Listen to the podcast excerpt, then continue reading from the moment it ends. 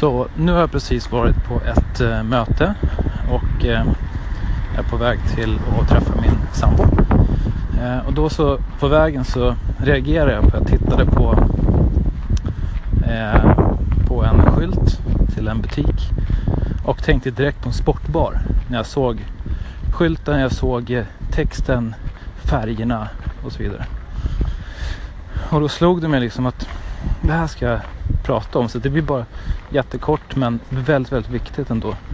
Och det är just kring eh, branding. Hur viktigt det är att eh, det här var då, ska jag säga också, eh, ingen sportbar. Utan det här var någon typ av hälsokostbutik vilket är kanske raka motsatsen till, till en sportbar. Så att det visar liksom på hur, hur pass viktigt det är att att branda sitt företag på rätt sätt. Använda sig av rätt typer av färger, rätt typer av eh, typsnitt och, och så vidare. Eh, för att allt det här eh, skapar associationer till saker när man ser det.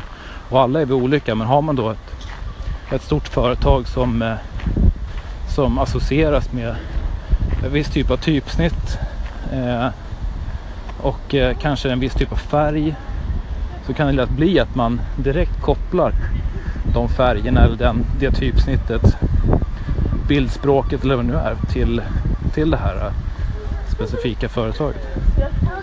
Så att äh, därför äh, är det viktigare än man kanske tror att verkligen se till att gå över sin, sin branding och tänka på hur man, hur man uttrycker sig på sin hemsida och sina visitkort och allting egentligen som man, som man lägger ut och eh, delar i, på internet, sociala medier och så vidare.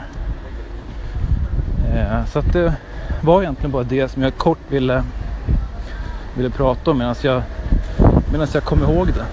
Eh, och jag vill passa på också att säga att jag har en, en god vän och samarbetspartner som heter Malin och eh, hon håller just på med branding och eh, är det så att ni själva känner att ni skulle vilja kanske få en överblick över, över ert egna företag och varumärke och så skulle jag verkligen vilja rekommendera henne.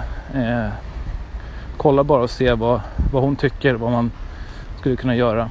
Om det är så att ni känner att ni kanske är lite fel ute eller ni inte riktigt vet eh, hur det skulle kunna se ut så kan man få lite tips och idéer från henne.